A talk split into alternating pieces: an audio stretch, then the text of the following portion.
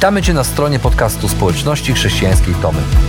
Mamy nadzieję, że rozważanie, które za chwilę usłyszysz, zainspiruje Cię do zrobienia kolejnego kroku w Twojej relacji z Bogiem.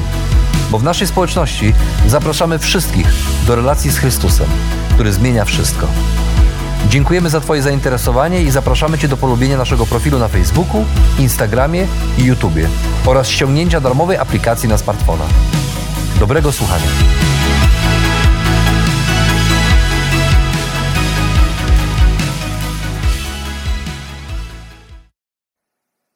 Każdy z nas pragnie tego, co najlepsze dla siebie i dla swoich dzieci. Każdy z nas po swojemu też definiuje, co to jest to najlepsze. A jeżeli najlepsze oznacza dobre wykształcenie, to cały wysiłek będziemy wkładać w to, aby nasze dzieci odebrały najlepszej jakości edukację.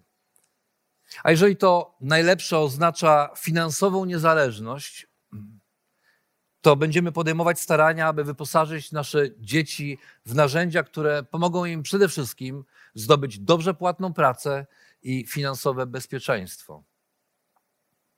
Chyba, że najlepsze oznacza sukces zawodowy. Jeżeli najlepsze oznacza sukces zawodowy, to zrobimy wszystko, aby nasze dzieci mogły rozwijać swoje zdolności sportowe, umysłowe, manualne, tak żeby w przyszłości mogły stanąć na takim czy innym podium, najlepiej na pierwszym miejscu. A ponieważ każdy z nas pragnie tego, co najlepsze dla siebie i dla swoich dzieci, to nasza definicja tego, co to jest to najlepsze, wyznacza kierunek naszego życia, przede wszystkim naszego, bo o tym, co jest najlepsze, nasze dzieci w pierwszej kolejności dowiadują się, obserwując nas i patrząc na to, co dla nas, dorosłych, jest najlepsze. I dzieci uczą się tego poprzez codzienne komunikaty, które wysyłamy w ich stronę. Komunikaty, które zawierają się w naszych słowach, czynach czy przekonaniach. Czwórka? A dlaczego nie piątka?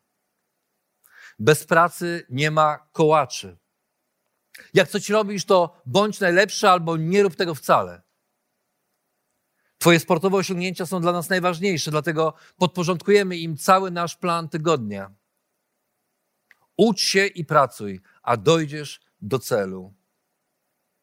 I nie wszystkie komunikaty muszą mieć taki werbalny charakter. Wystarczy przyjrzeć się uczciwie naszym kalendarzom i naszym portfelom i zobaczyć to, na co wydajemy najwięcej pieniędzy i na co najwięcej spędzamy czasu, żeby zobaczyć, co to jest to najlepsze dla nas, co to jest to najlepsze, do którego zachęcamy i prowadzimy nasze dzieci.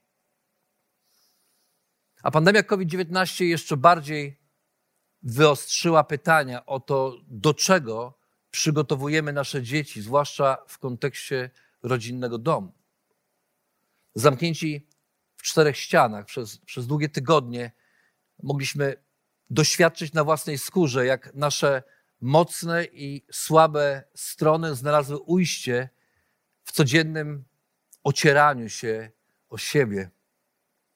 Pandemia wyostrzyła to, co w naszych rodzinach najlepsze i nie tak znowu dobre. Kazała nam spojrzeć na siebie bez tej przysłowiowej ściemy i ponownie zadać sobie pytania o to, do jakiego życia przygotowujemy nasze dzieci. Co to jest to najlepsze, którego tak bardzo dla nich pragniemy. Tym bardziej, że przysłuchując się rozmowom specjalistów, coraz bardziej zdajemy sobie sprawę z tego, jak wielkie spustoszenie w życiu dzieci i nastolatków sieje przymusowa izolacja i zdalne nauczanie, w jakim chcąc, nie chcąc, znaleźliśmy się od prawie roku.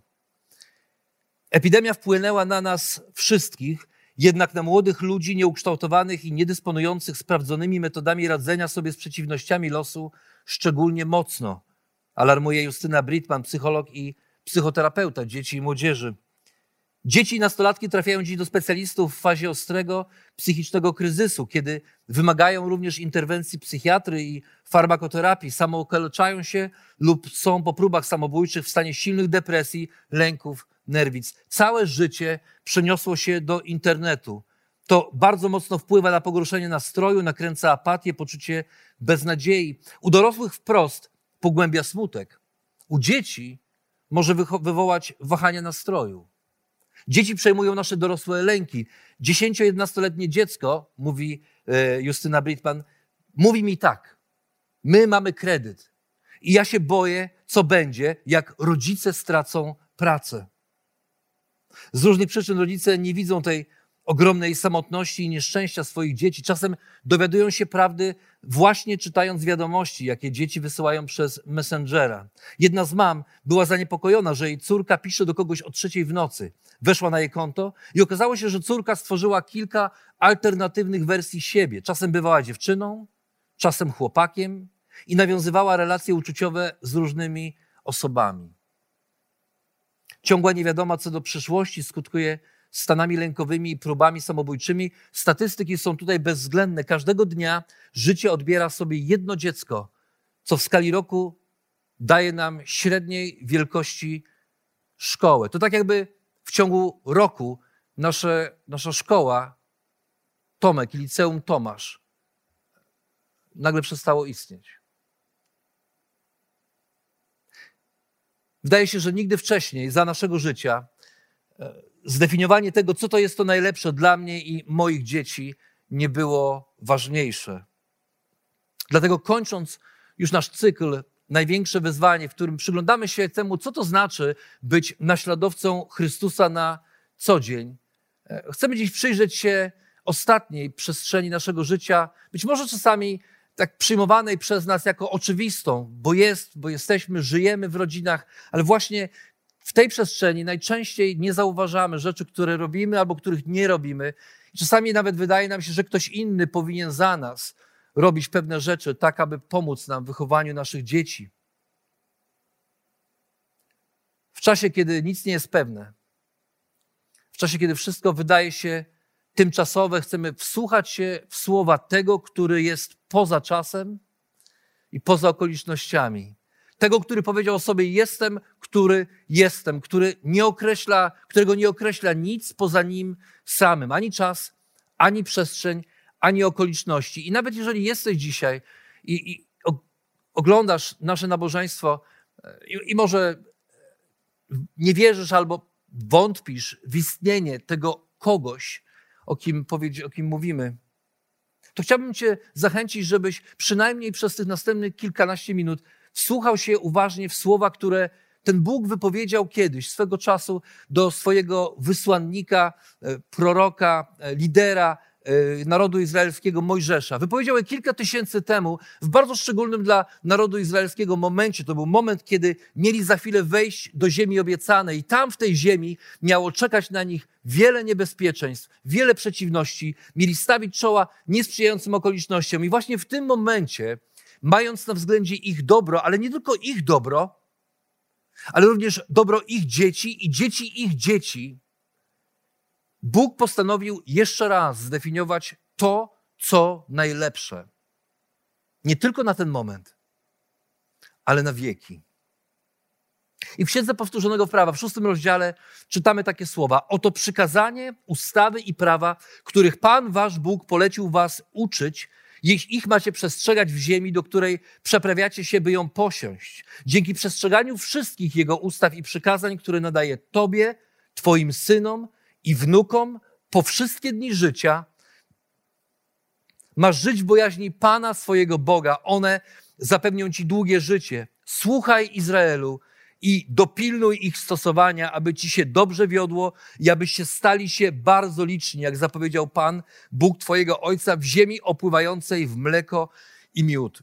Słuchaj Izraelu, Szema Izrael, po dziś dzień młodzi chłopcy uczą się tego jako pierwszego fragmentu, który znają z pisma Story, uczą się tego fragmentu i zapamiętują go na, uczą się go na pamięć. Słuchaj Izraelu, Pan jest naszym Bogiem, Pan jeden. Kochaj więc Pana Boga swego całym swoim sercem, całą swoją duszą i ze wszystkich przy swoich sił.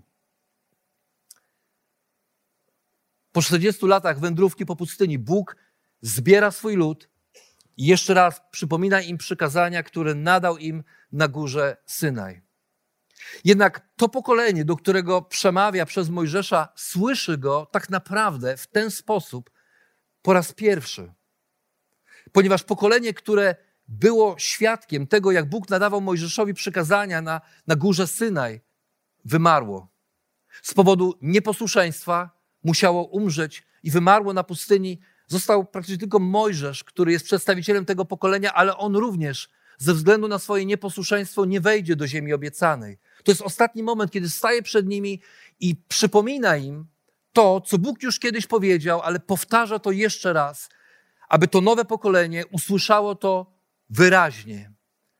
Dlatego, że Bóg postanowił, że do nowej ziemi, do wolnej ziemi, do ziemi obiecanej wejdzie pokolenie ludzi wolnych, ludzi o mentalności wolnych, a nie niewolników. I dlatego jeszcze raz przypomina im te przykazania, dekalog, prawa, aby nie popełnili błędu swoich rodziców i nie zatęsknili za miską przysłowiowej ciepłej zupy i pozornym bezpieczeństwem niewoli, za którym tęsknili ci, którzy błąkali się po pustyni wraz z Mojżeszem.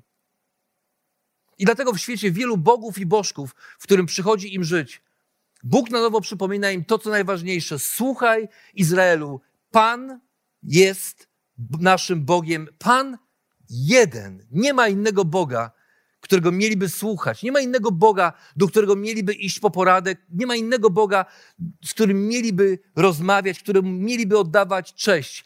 To słowo Pan, które u nas jest tak tłumaczone, Pan, czyli, czyli Jachwę, oznacza jestem, który jestem. Oto moja tożsamość, mówi Bóg. Nie mam początku, nie mam końca. Zawsze byłem, zawsze jestem i zawsze będę. Byłem i jestem i będę wszędzie.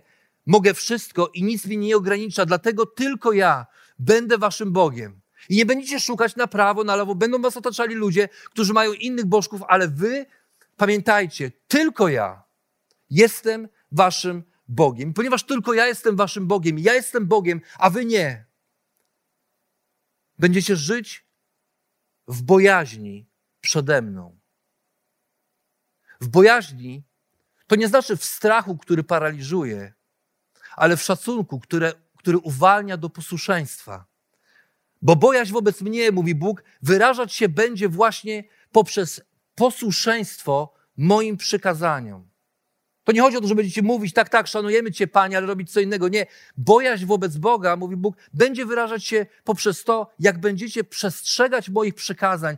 I to przestrzegajcie przykazań, pilnujcie przestrzegania. Pojawia się w tym fragmencie wiele, wiele razy. One są tym, mówi Bóg, co dla Was najlepsze.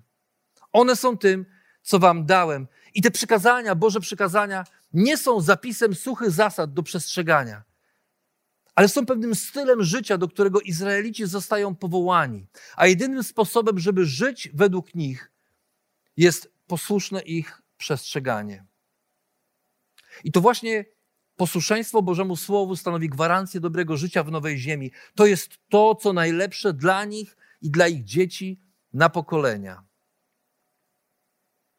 Ale jednak samo przestrzeganie przykazań to nie wszystko. Bo chociaż posłuszeństwo jest konsekwencją bojaźni wobec Boga, to sama bojaźń nie bierze się ze strachu, ale z miłości. Kochaj więc Pana, swojego Boga, całym swoim sercem, całą swoją duszą i ze wszystkich swoich sił, mówi Bóg.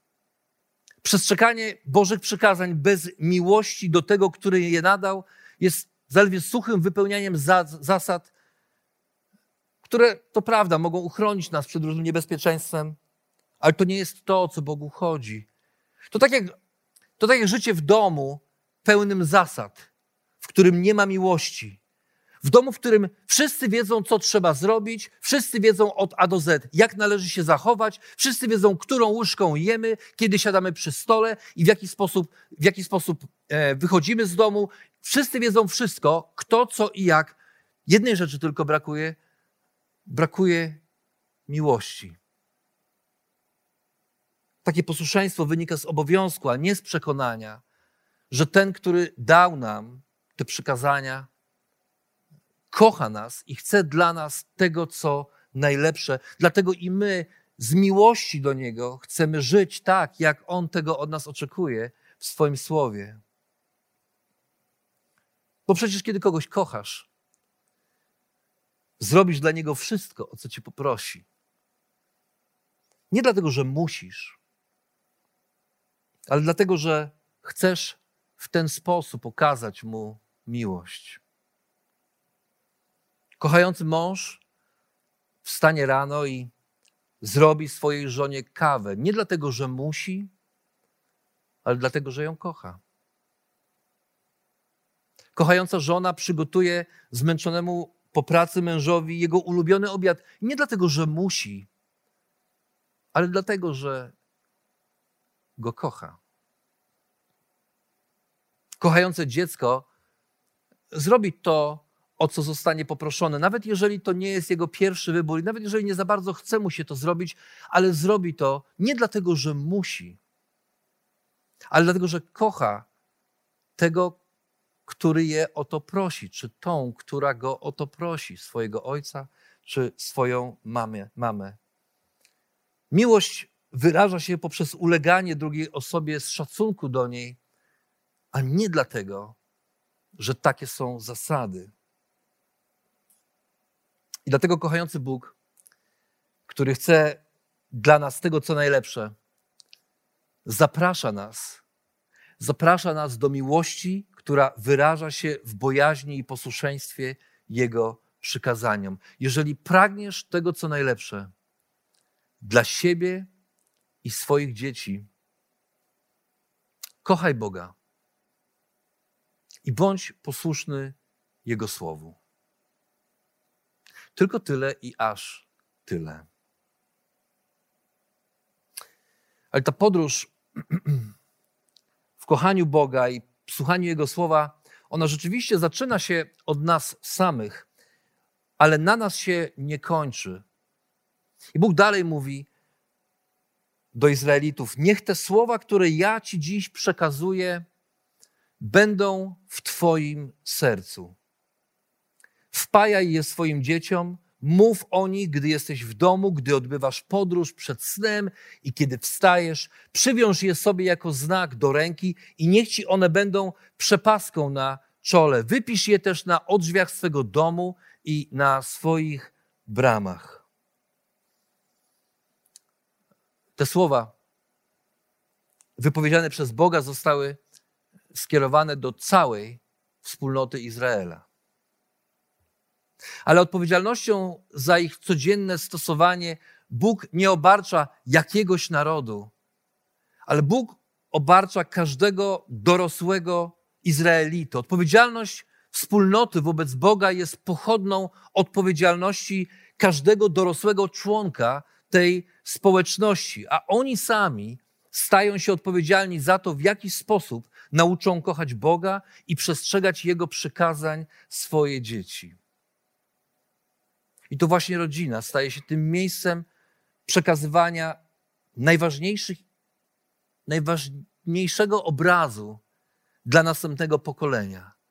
To właśnie rodzice kształtują wobec swoich dzieci obraz tego, poprzez to, co mówią, poprzez to, co przypominają, poprzez to, co, do czego później Mojżesz odnosi się i mówi: Będziesz przypominał im, jak wyszliśmy z Egiptu, z ziemi niewoli, będziesz, kiedy twój syn przyjdzie i cię zapyta, to mu opowiesz, to mu przypomnisz, bo to właśnie w rodzinie rodzina staje się tym pierwszym, pierwotnym, najbardziej podstawowym miejscem czynienia uczniami naszego Boga. Kolejne pokolenia. I dlatego Bóg zwraca się do każdego osobiście. Mówi: Niech te słowa, które ja Ci dziś przekazuję, będą w Twoim sercu. Po pierwsze, dlatego, że, jak to się czasem mówi, Bóg nie ma wnuków, tylko dzieci. To znaczy, że każdy z nas jest Bożym dzieckiem i jako Boże dziecko jesteśmy osobiście odpowiedzialne za to, żeby kochać swojego niebieskiego Ojca i swoją miłość do Boga wyrażać poprzez posłuszeństwo Jego Słowu. A po drugie, bo nie możemy nauczyć naszych dzieci czegoś, co nie jest dla nas ważne i czym sami na co dzień nie żyjemy. Niektórzy z nas żyją w przekonaniu, że skoro te słowa są skierowane do wspólnoty, to w dzisiejszym świecie Kościół jest odpowiedzialny za duchowy rozwój naszych dzieci. Tak jak szkoła jest odpowiedzialna za podstawową edukację naszych dzieci. Posyłamy dzieci do szkoły i one tam mają się uczyć, nauczyciel ma zrobić wszystko, żeby dziecko się nauczyło. A podobnie z kościołem. Posyłamy dzieci na szkółkę niedzielną czy na spotkania dla młodzieży, w nadziei często, że nauczą się tam rzeczy, których my sami nie jesteśmy ich w stanie nauczyć. Wystarczy jednak zwykła matematyka, żeby zdać sobie sprawę z absurdalności takiego myślenia. Jeżeli nawet posyłalibyśmy dziecko na godzinne zajęcia w naszej społeczności co tydzień przez cały rok szkolny, z wyjątkiem wakacji, to w najlepszym razie daje nam to 40, 50 godzin w ciągu roku. W tym samym czasie, odliczając czas na spanie 8 godzin i czas na szkołę, lekcje 8 godzin, mamy 8 godzin życia naszego dziecka dziennie, podczas którego rozmawiamy z nim, spędzamy czas, jemy, oglądamy seriale na Netflixie. Jeżeli nawet założymy z jakichś powodów, że połowę tego czasu dziecko spędza bez nas, to mamy przynajmniej 4 godziny dziennie wspólnego przebywania, co w sumie w ciągu roku daje 1460 godzin rocznie. Nawet jeżeli, nawet jeżeli zawężymy tę liczbę do tysiąca godzin, widać potężną dysproporcję pomiędzy czasem, które dziecko spędza w, w kościele i czasem, które spędza w swojej własnej rodzinie. W takiej sytuacji Kościół, wspólnota może tylko i aż wspierać rodziców tym procesie wychowywania dziecka, ale w żaden sposób nie jest w stanie wziąć odpowiedzialności za duchowy rozwój dzieci w swojej wspólnocie. Nie tylko nie może, ale nawet nie powinien wyręczać rodziców, ponieważ prawdziwe kształtowanie duchowego charakteru dziecka odbywa się w domu. Odbywa się przez to, co dzieci widzą i co słyszą. Możemy tu na spotkaniu, jednym czy drugim, na szkółce czy na, na zajęciach flow, możemy mówić o tysiącu różnych rzeczy. Ale jeżeli dziecko nabiera pewnych nawyków w domu, to jest walka z wiatrakami. 40 godzin w ciągu roku, 1000 godzin, bardzo, bardzo delikatnie licząc, w ciągu roku. Prawdziwe kształtowanie duchowego charakteru dziecka odbywa się w domu, dlatego to na nas, na rodzicach, spoczywa pierwsza i podstawowa odpowiedzialność za obraz Boga, jaki przekażemy następnemu pokoleniu. My w społeczności chrześcijańskiej Tomy, mam poczucie, robimy wiele, żeby wesprzeć rodziców, łącznie ze szkółką, którą przez cały czas pandemii umieszczamy na, e, na naszym Facebooku czy na stronie internetowej, po to, żeby dać Wam narzędzia, rodzice, do tego, żeby móc przynajmniej rozmawiać ze swoimi dziećmi, podpowiedzieć, wesprzeć. Mamy rodzinny power, w którym uczymy się tego, tej wartości, jednej wartości, wprowadzamy ją nie tylko dla dzieci, ale robimy to razem z rodzinami, ponieważ chcemy, abyśmy całymi rodzinami uczyli się. Wierzymy, że to, co dzieje się w domu, jest ważniejsze od tego, co dzieje się na nabożeństwie. I dlatego robimy to, dlatego mamy fantastycznych liderów, Zoom grup i liderów dla, dla młodzieży, ponieważ wierzymy w to, że oni mogą dać ten czas i robić wszystko, żeby wesprzeć proces wychowania Twojego dziecka poprzez cotygodniowe spotkanie, czy to było na Zoomie w czasie pandemii, czy to na żywo, kiedy za chwilę będziemy może mogli się spotykać, czy w grupach, Zoom grupach, których mogą studiować Boże Słowo, nawet dla tych, którzy nie mogą uczestniczyć w piątkowym spotkaniu z jakiegoś powodu, ale nie jesteśmy w stanie wyręczyć Ciebie, rodzicu, nie jesteśmy w stanie przejąć Twojej roli. Ba, więcej, nawet nie chcemy tego robić, nie wolno nam tego robić. Bo to na Tobie, na tym, co mówisz, co robisz, jak spędzasz swój czas, to jak spędzasz czas ze swoim dzieckiem, to, co ono widzi i co słyszy, od tego zależy kształtowanie charakteru dziecka.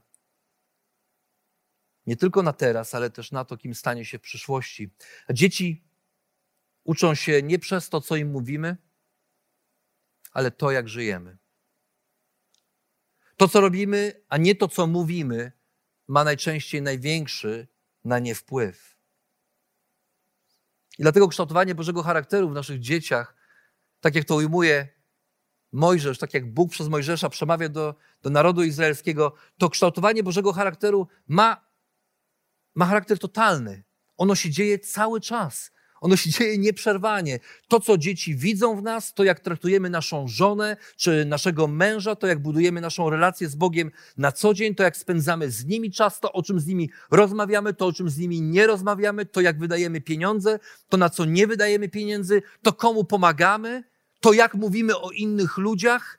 Wszystko to ma wpływ na to, w jaki sposób uczymy nasze dzieci o tym, kim jest Bóg i co dla nas uczynił. Dlatego Bóg przez Mojżesza nakazuje rodzicom: ucz tych przykazań swoje dzieci, mów o nich, gdy jesteś w domu, gdy odbywasz podróż, przed snem, kiedy wstajesz. Przywiąż je sobie jako znak do ręki i niech ci będą one przepaską na czole. Wypisz je na odrzwiach swojego domu i na swoich bramach. To jest nauczanie totalne.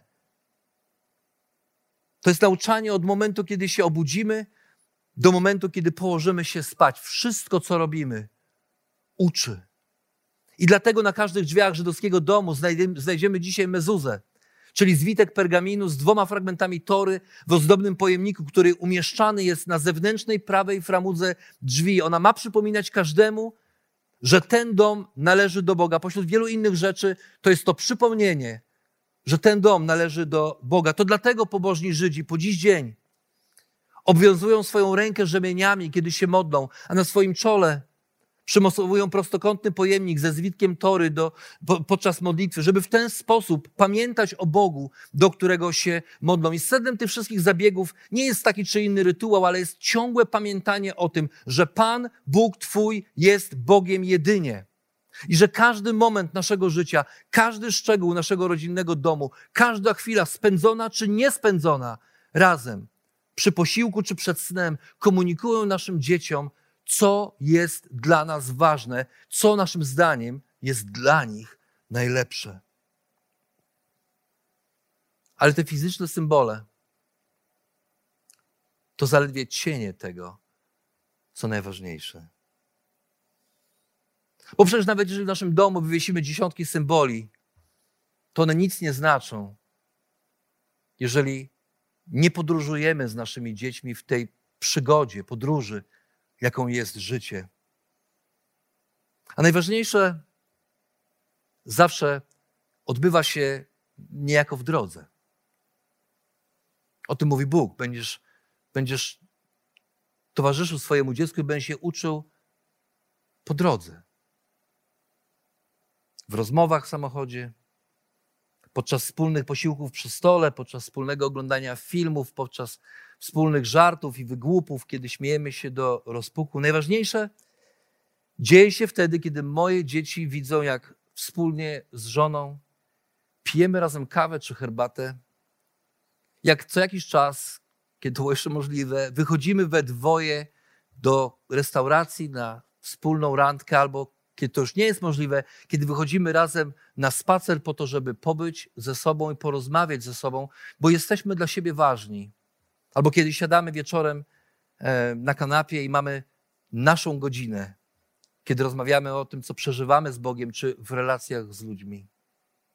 Najważniejsze dzieje się wtedy, kiedy jadąc z domu do szkoły po drodze, zwyczajnie modlimy się, rozmawiając z Bogiem, mówiąc: Panie Boże, Prosimy Cię o te rzeczy, prosimy Cię o Twoje błogosławieństwo na ten dzisiejszy dzień. Najważniejsze dzieje się wtedy, kiedy przepraszamy siebie wzajemnie, kiedy przepraszam swoje dziecko za podniesiony głos i uczę je tego, że przepraszanie i proszenie o wybaczenie jest naturalną częścią ludzkiego życia. I kiedy one uczą się przepraszać za niepotrzebnie wypowiedziane słowa. Najważniejsze dzieje się wtedy, kiedy jadąc samochodem, Rozmawiamy o tym, co dla nich ważne. Kiedy próbujemy przy okazji rozmowy na różne tematy tłumaczyć im skomplikowany świat z perspektywy Bożego Słowa, niekoniecznie używając zawsze wersetów, ale pokazując, w jaki sposób możemy lepiej zrozumieć ten świat, kiedy wiemy, że Bóg jest e, po naszej stronie. Najważniejsze dzieje się wtedy, kiedy podczas świątecznych obiadów czy kolacji, albo niekoniecznie świątecznych, Gościmy w naszym domu ludzi, którzy tego dnia nie powinny być sami. Najważniejsze dzieje się wtedy, kiedy gramy w gry planszowe i przeżywamy zwycięstwa albo uczymy się znosić porażki. Najważniejsze dzieje się wtedy, kiedy razem spędzamy czas, nieważne czy spacerując po bliskim lesie, czy chodząc po górach, czy jeżdżąc na nartach, czy jeżdżąc na rowerach po Barcelonie. Najważniejsze dzieje się wtedy, kiedy nasze dzieci mogą widzieć nas, jak czytamy Boże Słowo, choć nie robimy tego ze względu na nich, ale dajemy im też szansę zobaczenia, że tak, jest taki moment w ciągu dnia, kiedy siadamy i czytamy.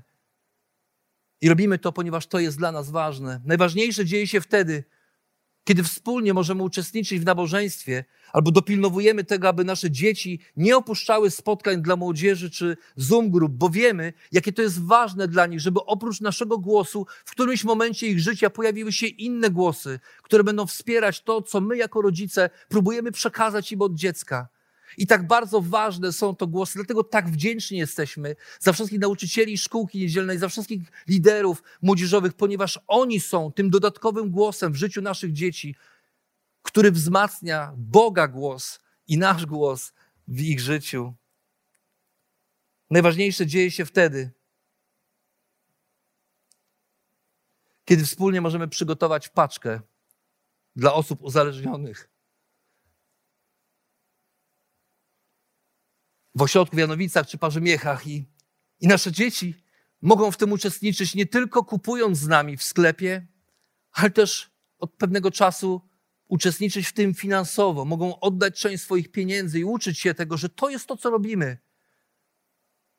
Każdy moment naszego życia, każdy szczegół naszego rodzinnego domu, każda chwila spędzona razem przy posiłku czy przed snem komunikują naszym dzieciom to, co najważniejsze, bo najważniejsze zawsze wydarza się przy okazji. Kiedy nasze dzieci mogą nie tylko słyszeć to, co mówimy, ale mogą widzieć to, jak staramy się żyć tym, co głosimy raz lepiej, raz gorzej, ale zawsze z przeświadczeniem o tym, że powołaniem naszej rodziny jest bycie obrazem Bożej miłości łaski i przebaczenia dla świata, w którym żyjemy. Nie bycie idealną rodziną, ale bycie obrazem Bożej miłości, łaski i przebaczenia dla świata, w którym żyjemy. To jest nasze powołanie. Dlatego, jeżeli pragniesz tego, co najlepsze dla siebie i swoich dzieci, pamiętaj o Bogu na każdym kroku swojego życia i nie pozwól o nim zapomnieć następnemu pokoleniu. To pokolenie, które słyszało słowa wypowiedziane przez Boga, przez Mojżesza, przez Mojżesza usłyszało, weszło do ziemi obiecanej. I zaraz potem mamy księgę Jozułego, w którym opisane jest wejście Izraelitów do ziemi obiecanej. A następną księgą jest księga sędziów, która zaczyna się i kończy słowami: Każdy robił to, każdy robił to, co mu się podobało. Jesteśmy jedno pokolenie od tego, aby kolejne osoby nie podążały za Bogiem w naszej rodzinie. Jesteśmy tylko jedno pokolenie oddaleni od tego, żeby wiara, nasza wiara, nasze życie z Bogiem znikło, rozpłynęło się, ponieważ następne pokolenie nie będzie już robić tego i nie przekaże tego, w co wierzy, następnemu pokoleniu. A dzieje się to na co dzień, w różnych przyjemnych i mniej przyjemnych okolicznościach, których mamy przywilej być częścią. Kilka dni temu mój najstarszy syn Wojtek miał pierwszą w swoim życiu stłuczkę. Wojtek pozwolił mi o tym opowiedzieć publicznie, dlatego dzisiaj mogę to Wam o tym opowiedzieć. Kiedy szedłem na miejsce zdarzenia, modliłem się w środku, żeby w całym tym zamieszaniu być przede wszystkim dla niego wsparciem i obrazem Boga, w którego wierzę. Wyobrażałem sobie, jak musi się czuć, jaki to musi być stresujące dla niego. Na szczęście nic nikomu się nie stało, auto zostało odholowane. A my po załatwieniu formalności wróciliśmy do domu. Kiedy wróciliśmy, zjedliśmy kolację, a potem usiedliśmy razem, całą rodziną, w dużym pokoju. No, to było zbyt ważne, żeby tak przejść obok tego obojętnie. Wspólnie porozmawialiśmy o tym, co się stało. Każdy z nas powiedział, czego się z tej sytuacji nauczył, a potem razem przeczytaliśmy Psalm 91 i w modlitwie podziękowaliśmy Bogu za Jego troskę i za Jego opiekę w trudnych sytuacjach. I to był dobry wieczór. Ale tak naprawdę najważniejsze wydarzyło się następnego dnia. Około południa zadzwonił telefon. A w słuchawce usłyszałem głos mojego najstarszego syna, który powiedział: Dzięki, tato, za wczoraj. Dzięki, że byłeś ze mną i że razem z całą rodziną tak wspólnie o tym pogadaliśmy i się pomodliliśmy. Prawda jest taka, że nasze życie składa się z miliona takich codziennych i niecodziennych sytuacji, w których mamy możliwość pokazać naszym dzieciom, kim jest Bóg, jak bardzo je kocha i chce dla nich tego, co najlepsze. A jeżeli największe wyzwanie naszego życia to naśladować Boga i kochać jak Chrystus, jak powiedzieliśmy sobie na początku tej serii, to nasza rodzina jest pierwszym miejscem, w którym uczymy się wspólnie jak to robić. I nie tylko jak to sami mamy robić, ale jak mamy to przekazywać następnemu pokoleniu. Bo jeżeli pragniesz tego, co najlepsze dla siebie i swoich dzieci, to na każdym kroku pokazuj im, jak kochać Boga i jak być posłusznym Jego Słowu.